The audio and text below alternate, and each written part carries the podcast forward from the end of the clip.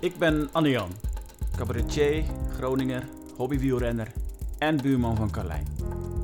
Ik ben Carlijn, theatermaker, moeder van drie jongens en buurvrouw van Anne-Jan. Bijna wekelijks stap ik op een racefiets voor een tocht vanuit de stad door het Groningerland. Regelmatig zie ik, de omringd door mijn kinderen, mijn buurman in zo'n strak pakje vertrekken, het avontuur tegemoet. En ik stel me voor hoe Anne-Jan dorpen en gehuchten doorkruist. Plaatsen die ik bij momenten graag idealiseer. Waar ik over lees in de krant en waarvan ik de prachthuizen voorbij zie komen op Funda. Waarbij ik dan regelmatig verzucht: je zult er maar wonen.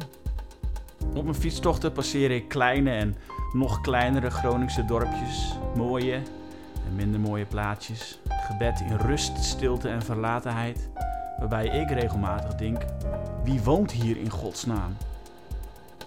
In rondje om de kerk laten we ons in deze dorpjes rondleiden. Door een van haar bewoners op zoek naar het echte verhaal. Zijn ze gelukkig hier? Wanneer wel? Wanneer niet? Denken ze er wel eens aan om te vertrekken? En wat betekenen dit dorp en dit gebied voor ze? En wat betekenen zij voor het dorp? We vragen het ze in een rondje om de kerk.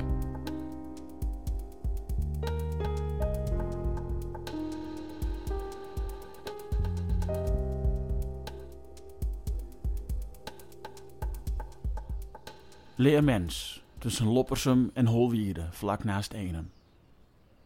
Ook Leermens wordt, net als Godlinze, op Wikipedia aangeduid als hoogste wierde van de provincie.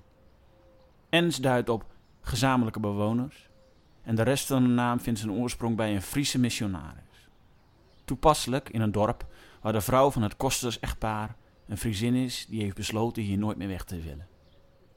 In de winter, als het koud genoeg is, is de ijsbaan onderaan de wierde de ontmoetingsplek voor jong en oud. En het geliefde dorpshuis wordt dapper overgenomen door twee jonge dorpsgenoten, waarvan één doodongelukkig werd als accountant en het nu over een heel andere boeg gooit. Iedereen die nieuw is in Leermens wordt welkom geheten met een zogenaamd Leermster standje. Een Leermster standje is een, een, een, een, heel eenvoudig steentje, gewoon een stukje grind aan een, aan een uh, speld. En die krijgt, alle Leermsters krijgen zo eentje uitgereikt. En uh, als je dat speldje hebt, dan, dan ben je Leermster. Dan hoor je erbij. Nane, dat is de man die je moet hebben als je iets over dit dorp wilt weten. Pensionado.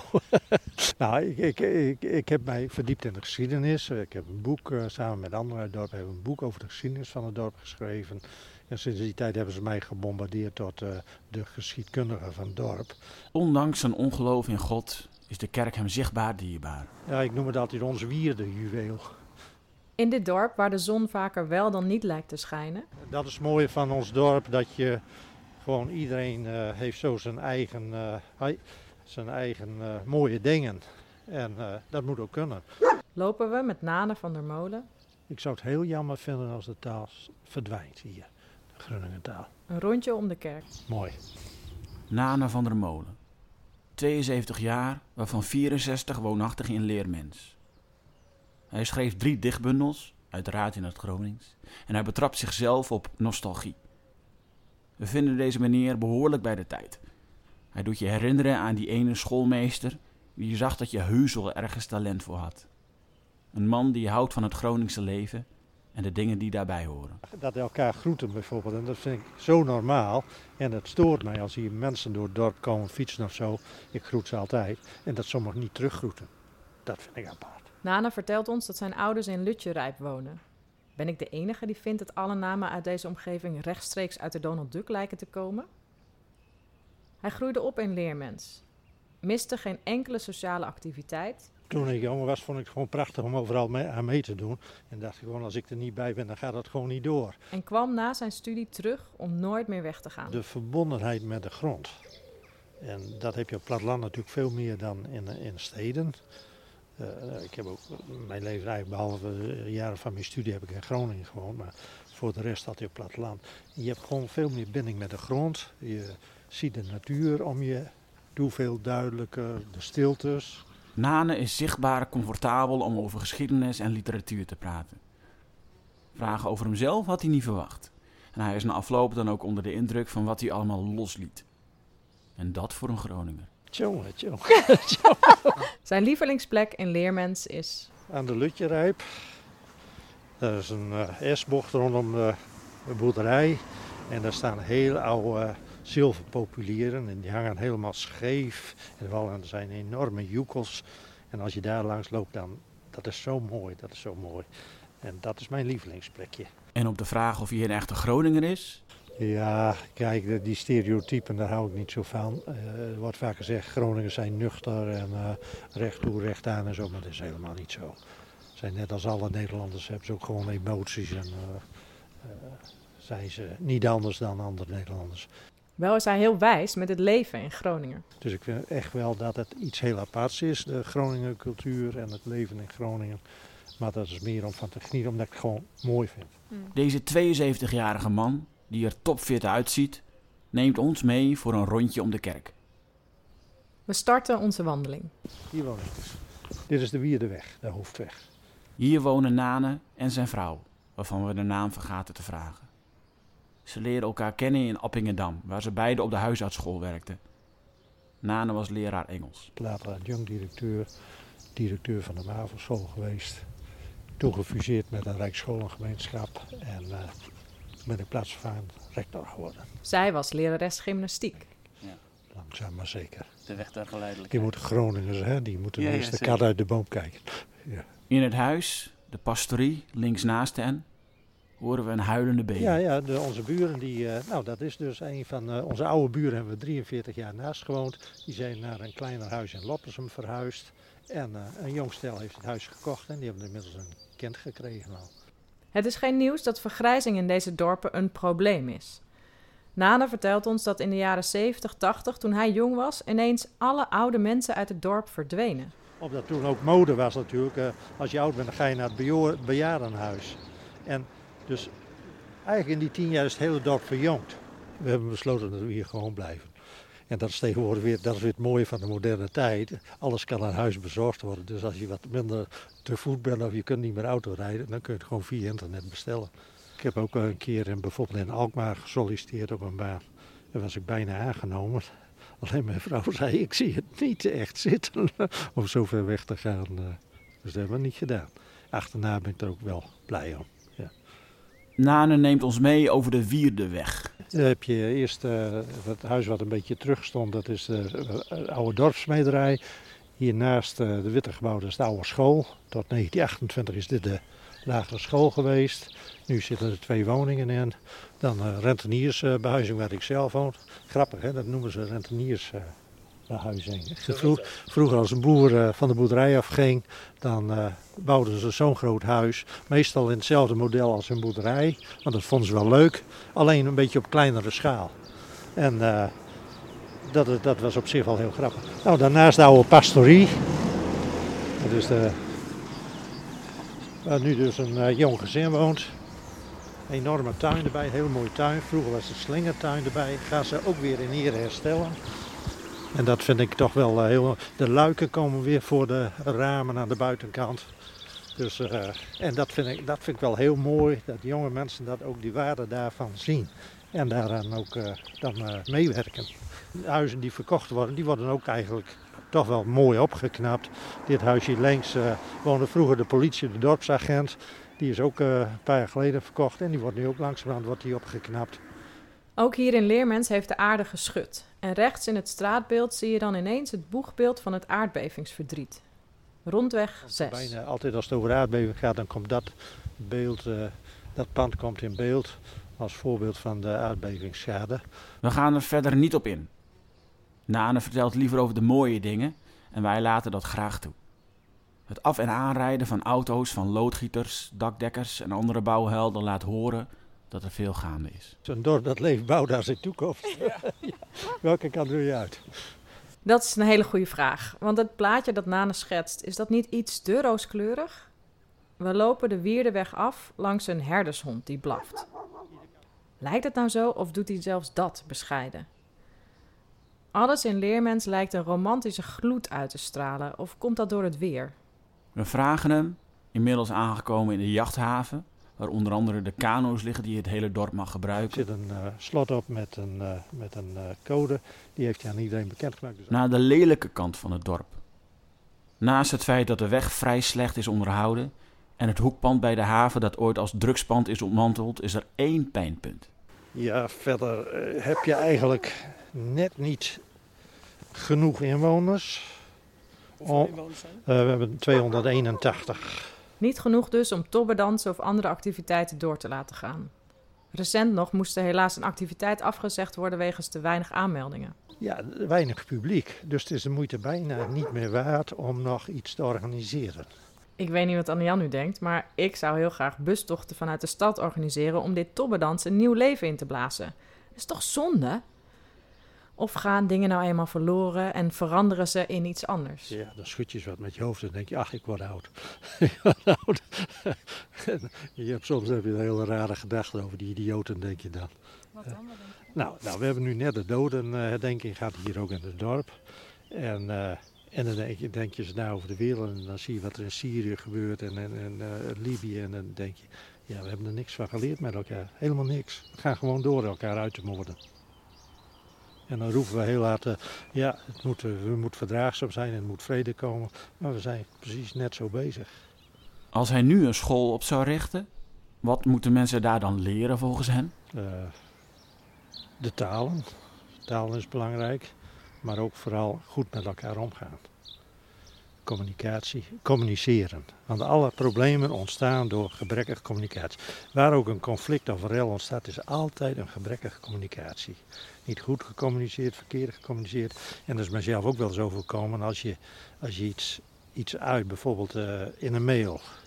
En zodra het mailtje weg is, kun je het niet meer aanpassen. Kun je niet meer veranderen. Komt soms helemaal verkeerd over. Onbegrip of, of eh, opzettelijk. En als je een gesprek aangaat en je merkt dat het fout opgevat wordt, kun je het herstellen. Kun je zeggen, dat heb ik niet zo bedoeld, maar ik bedoel het zo. Dat is heel wat anders. Kijk, en dat, is, dat vind ik heel belangrijk. Dat vind ik heel wezenlijk. Anne-Jan en ik zijn een beetje stil. In de week voor deze opname waren we allebei druk. We appten heen en weer met een iets wat geïrriteerde ondertoon en we liepen niet even bij elkaar naar binnen. Toen we elkaar deze ochtend troffen, moest eerst dit conflict de wereld uitgeholpen. Zo snel gaat dat. Onbegrip, miscommunicatie. Dan hoor ik mensen die wonen in een stad, in een straat. En dan hebben ze daar tien of langer, eh, jaar of langer gewoond. En dan kennen ze hun buren niet eens. Nou, dat is toch wel het af- meest afgrijzelijke wat je kunt voorstellen. Dat je gewoon de mensen waar je dagelijks naast woont, dat je die niet kent. We lopen terug omhoog, richting het dorpshuis. En toen heeft weer een aantal mensen uit het dorp hebben de koppen bij elkaar gestoken en gezegd... eh, het zou wel mooi zijn als we een dorpshuis ervan maakten. Nou, dat was, eh, binnen de kortste keren was dat geregeld. en de kerk. Het dorpshuis kreeg het zwaar te verduren tijdens de aardbeving van februari 2014, maar is volledig bevingsproof gemaakt en wordt dit jaar overgenomen door een jong stel uit het dorp. Een zonnig vooruitzicht in een bloeiend dorp. En zoals het er nu uitziet, dat toch jeugd die in het dorp is opgegroeid, die terugkomt, die heeft dat toch op een of andere manier, hebben ze dat als heel plezierig ervaren. Dus daar heb ik volste vertrouwen in dat die gewoon de lijn wel doorzetten. We vragen hem als hij mocht kiezen wie hier dan in Leermens zou komen wonen. Ik denk richting een wereldleider, popster, beroemde filosoof, muzikant. Oei. Kiezen. Eh, nou, ik zou, eh, ik zou een eh, Groninger schrijver, denk ik, kiezen. Dus iemand die in het Gronings schrijft, dat zou ik wel heel mooi vinden. En dan denk ik bijvoorbeeld aan een eh, Tonko Ufkes of een eh, Jan Bos, schrijver. Dat zijn gewoon mensen waar ik mij wel mee verbonden voel. Onverwacht komt er ineens een schoolmeester om de hoek kijken. Anne-Jan wordt aangesproken op het feit dat hij vooral Nederlands praat. Jij komt uit Ter Apel, maar je spreekt geen Gronings. Je bent Nederlands opgevoed. Ik weet dat Anne-Jan niet eens Gronings kan praten en er ook niet per se van gecharmeerd is. We hebben onze kinderen jammer genoeg ook Nederlands opgevoed. Achterna heb ik daar wel wat spijt van dat ik ze niet tweetalig heb opgevoed. Ja, Dat vind ik toch vind ik wel heel belangrijk. Gewoon een stukje cultuur die gewoon bij dit land hoort, die bij dit gebied hoort.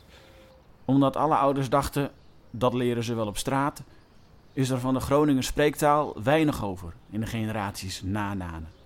Spijtig genoeg. Als je vooruit wilt komen in de wereld, dan moet je gewoon de Nederlandse taal goed kunnen spreken. Want alleen met Gronings kom je natuurlijk niet ver, meer. Viel altijd wel mee als pa boos was, behalve als hij in Gronings begon. Dan dacht ik, nou moet ik uitkijken, nou wordt serieus. nou, dat geeft wel aan dat je je diepste emotie dan toch uit- uitdrukt in je, in je moedertaal. Het doet Nane zichtbaar veel. De tot nu toe beheerste man lijkt nu geëmotioneerd. Dat je gewoon een, een, een gesprek gewoon in Gronings kunt hebben hier. En we hebben zo'n mooie kerk hier, kijken we naar. En, eh, dat je daar gewoon in, in het Gronings over kunt praten. Dat het gewoon Grunningers zijn die dit ooit gebouwd hebben, duizend jaar geleden. Je krijgt, denk ik, intensieve contact daardoor. Omdat je precies dezelfde taal spreekt die anderen niet spreken misschien. Nane begint te vertellen over de kerk. Dit is de mooie Romano-gotische gevel. Dat is een van de mooiste van, eh, van het hele land. Hier, heel zeldzaam, met, eh is 13,5 meter hoog. En met die mooie, mooie Romano-gotische room erin in die nissen. En dat vlechtwerk, dat is fantastisch. En dan die verschillende kleuren steen. En dat komt omdat steenbakken is in 1273 ben de monnik weer begonnen met steenbakken. Alleen die opens die waren niet zo heet. En de klaar was hoe bakken de, de ijzergehalte was ook verschillend. En daardoor ben die kleur- verschillende kleuren ontstaan. Zelfs Anne-Jan moet toegeven dat dit best wel mooi is. Zijn haat-liefde verhouding met deze taal probeert hij onder woorden te brengen. Maar ook omdat er een soort, voor mij een iets te veel een hang naar verleden in plaats van toekomst vanuit gaat. Wat ik gevaarlijk vind voor Groningen. Dat is ook lange tijd zo geweest. eh, omdat een heleboel Groningen schrijvers die schrijven over het verleden. Zelf betrap ik het ook wel eens over als ik een verhaaltje schrijf of gedicht maak. Dat je toch een beetje een hang naar nostalgie hebt.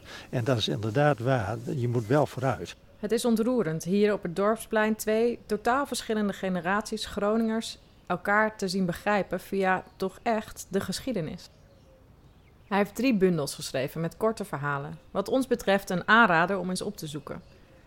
Wij staan inmiddels bij de schaatsbaan. We hebben al een paar jaar niet echt goed kunnen schaatsen. Maar af en toe lukt het toch even. En dan is het maar een dag of twee dagen. is het toch wel heel plezierig. En dan is het hele dorp hier ook te vinden.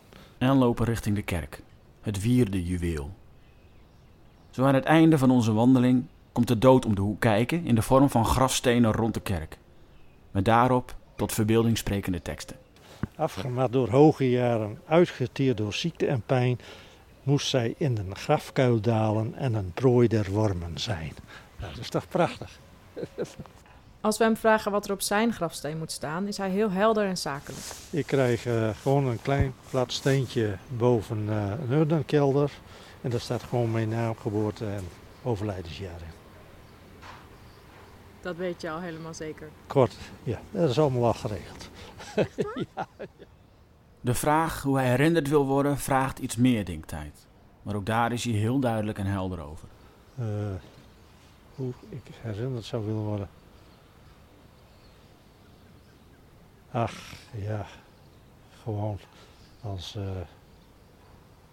iemand die, eh, die zich niet helemaal onnuttig heeft gemaakt. Die iets, wel iets heeft gedaan. Eh, Hans Helema, de dichter, heeft het heel mooi gezegd. Hij zei, en als zij doodgaan, dan stiepen zij hun nekken. En zeggen, het was schijnbaar kerel. Hij had ook wel wat doen. En dat was dan de reden van heel zijn bestaan. Deze man, bij wie wij wel op school zouden willen zitten, gaf ons een indruk van een zonnig dorp. Waar heus niet alles perfect is, maar toch, tenminste, de moeite waard.